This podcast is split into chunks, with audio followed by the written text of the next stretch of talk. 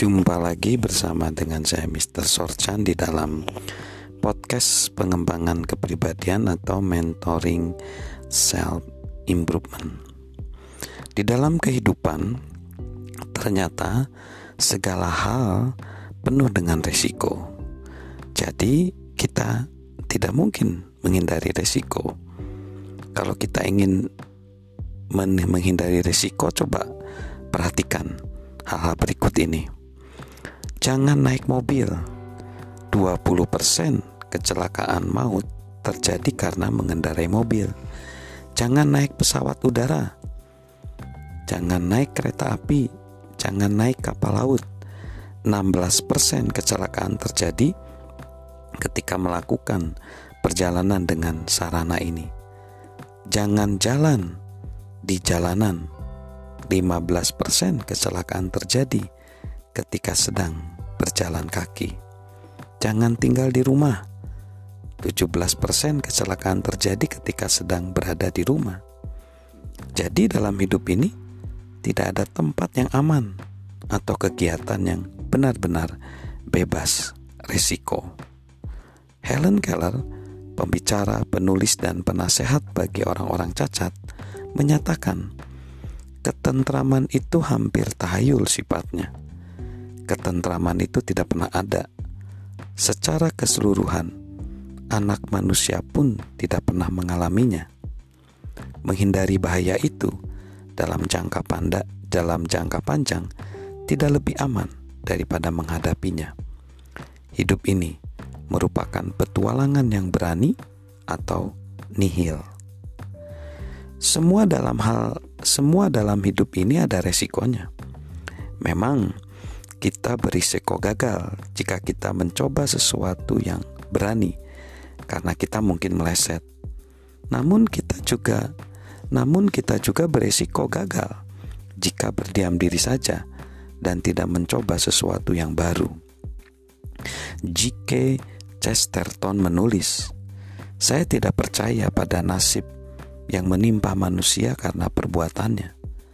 Namun saya percaya pada nasib yang akan menimpa manusia jika tidak bertindak. Semakin kita tidak berani mencoba, semakin besar resiko kita gagal.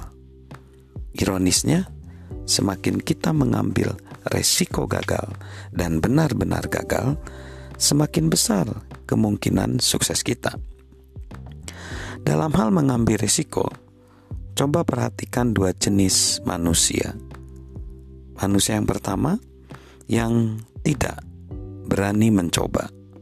Mereka akan menolak kesempatan, mencari-cari alasan untuk menghindari tanggung jawab, ingat-ingat terus ketidakmungkinan, memadamkan antusiasme, evalua mereka mengevaluasi ketidak memadainya, takut melihat kegagalan orang lain, menolak pengorbanan pribadi yang diperlukan, menggantikan sasaran dengan kenikmatan, bersuka cita karena tidak gagal, beristirahat sebelum selesai, menolak kepemimpinan, tetap tidak berubah, terus mengingat persoalannya, memikirkan kembali komitmennya, membalik keputusannya. Moto mereka begini, lebih baik saya tidak mencoba sesuatu yang besar dan berhasil daripada mencoba sesuatu yang besar dan berisiko gagal. Tapi yang mereka yang berani mengambil resiko dia gini. Dia menemukan peluang, menuntaskan tanggung jawab mereka, menantang ketidakmungkinan, membakar antusiasme, menghadapi ketidakmemadai, mencari tahu mengapa orang lain gagal, memasukkan pengorbanan sebagai gaya hidup, menemukan kenikmatan dalam sasaran, takut akan kesia-siaan, bukan kegagalan. Menye dia menyelesaikan sebelum beristirahat, mengikuti para pemimpin, mendorong perubahan, sibuk mencari solusi, memenuhi komitmen dan menyelesaikan keputusannya. Moto mereka adalah lebih baik saya mencoba yang besar-besar dan gagal daripada tidak mencoba yang besar-besar dan berhasil.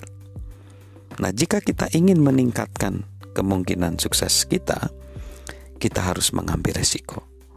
Dengan mengambil resiko, kemungkinan sukses akan menjadi lebih besar. Salam mentoring, salam sukses luar biasa dari saya, Mr. Sorjan.